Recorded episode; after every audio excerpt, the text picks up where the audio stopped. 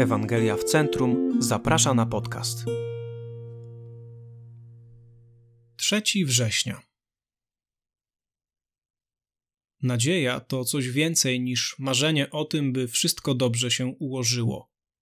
To odpoczywanie w Bogu, który trzyma wszystko w swoich mądrych i potężnych rękach. Używamy słowa nadzieja na różne sposoby. Czasami słowo to sugeruje życzenie odnośnie do czegoś, nad czym nie mamy w ogóle kontroli. Mówimy: Mam nadzieję, że pociąg zaraz przyjedzie, lub Mam nadzieję, że w dniu pikniku nie będzie padać. To są życzenia odnośnie do rzeczy, których nie możemy gwarantować. Słowo nadzieja również opisuje to, co według nas powinno się wydarzyć. Mówimy: Mam nadzieję, że tym razem będzie szczery, lub mam nadzieję, że sędzia unieważni ten wyrok. Tutaj nadzieja objawia wewnętrzne poczucie moralności i sprawiedliwości. Używamy słowa nadzieja również w sensie motywacyjnym. Mówimy: Zrobiłem to w nadziei, że się opłaci, lub wyszłam za mąż w nadziei, że będzie mnie traktował tak, jak wtedy, gdy ze sobą chodziliśmy. To wszystko ma nam pokazać, że ponieważ słowo nadzieja jest używane na różne sposoby, ważne jest, byśmy zrozumieli, jak stosowane jest w Biblii, jakie ma znaczenie w Ewangelii. Biblijna nadzieja to coś fundamentalnie więcej niż nasze pobożne życzenia. Biblijna nadzieja jest głębsza niż moralne oczekiwanie, choć się w niej zawiera.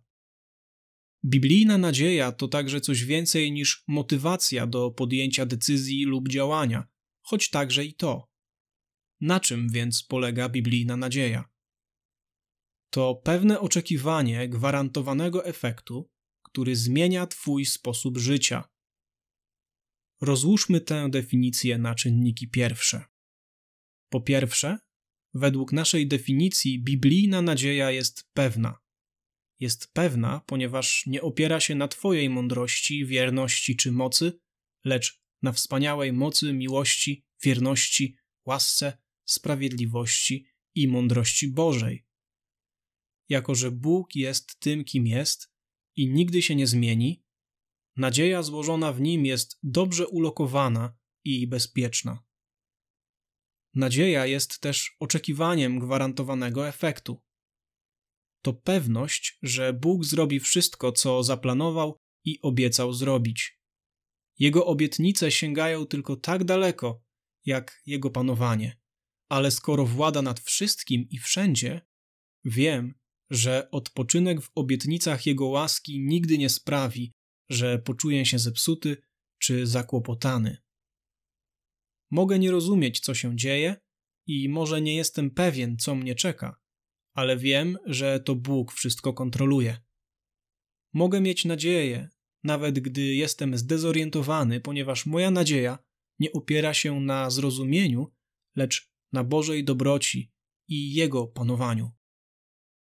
Wreszcie prawdziwa nadzieja zmienia sposób życia. Kiedy masz gwarantowaną nadzieję, żyjesz z ufnością i odwagą, których inaczej byś nie miał. Owa ufność i odwaga sprawiają, że podejmujesz decyzje wiary, które mogłyby wydawać się głupie komuś, kto nie ma Twojej nadziei. Jeśli jesteś Bożym dzieckiem, nigdy już nie musisz żyć pozbawiony nadziei, ponieważ ona wkroczyła w Twoje życie przez łaskę, której na imię Jezus. Dalsze rozważania i zachęta Księga Psalmów 20.